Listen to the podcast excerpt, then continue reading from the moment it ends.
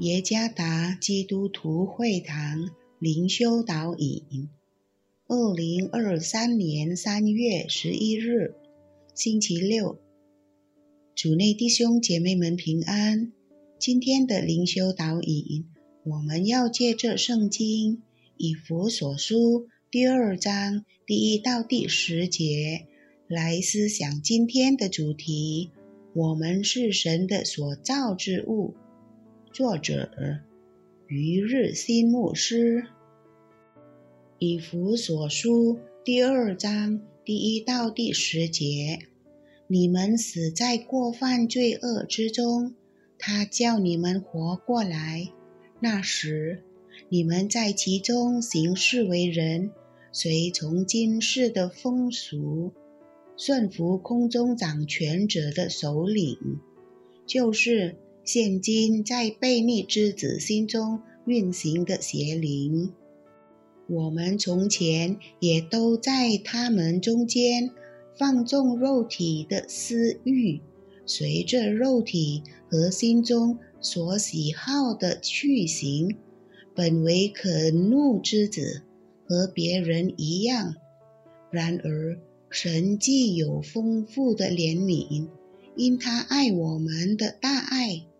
当我们死在过犯中的时候，便叫我们与基督一同活过来。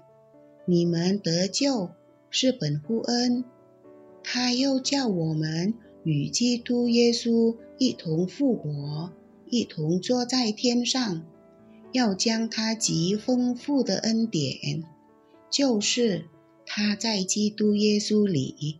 向我们所施的恩慈，显明给后来的世代看。你们得救是本乎恩，也因这信。这并不是出于自己，乃是神所赐的；也不是出于行为，免得有人自夸。我们原是他的工作，在基督耶稣里。造成的，为要叫我们行善，就是神所预备叫我们行的。我喜欢木雕，为什么呢？因为它是从一把电锯开始的，最后造成了一件令人惊叹的艺术品。工匠们非常熟练地使用工具。根据自己的想象，对木材进行雕刻，他们的作品受到许多人的赞叹。你知道吗？我们也是上帝手中美丽的杰作。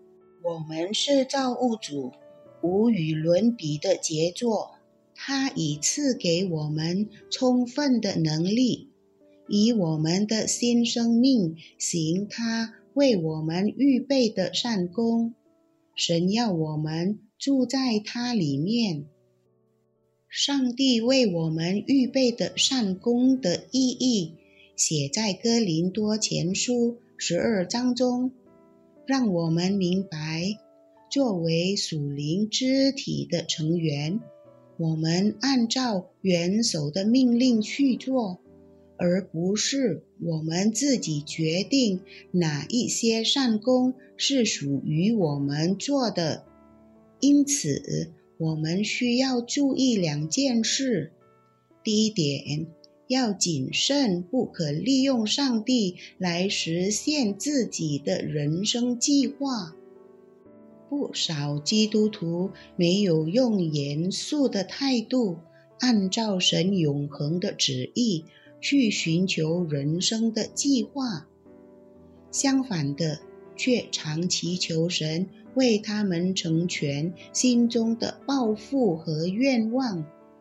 大卫·普拉特说：“我们接受基督教，在个人欲望中徘徊，感到满足。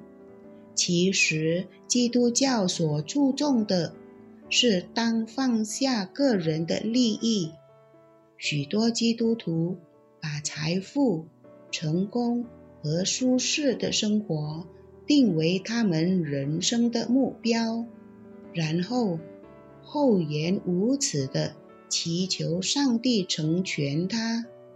我们不是爱神，而是在操纵神。第二点，你自己必须随时做好准备，渴慕住在基督里。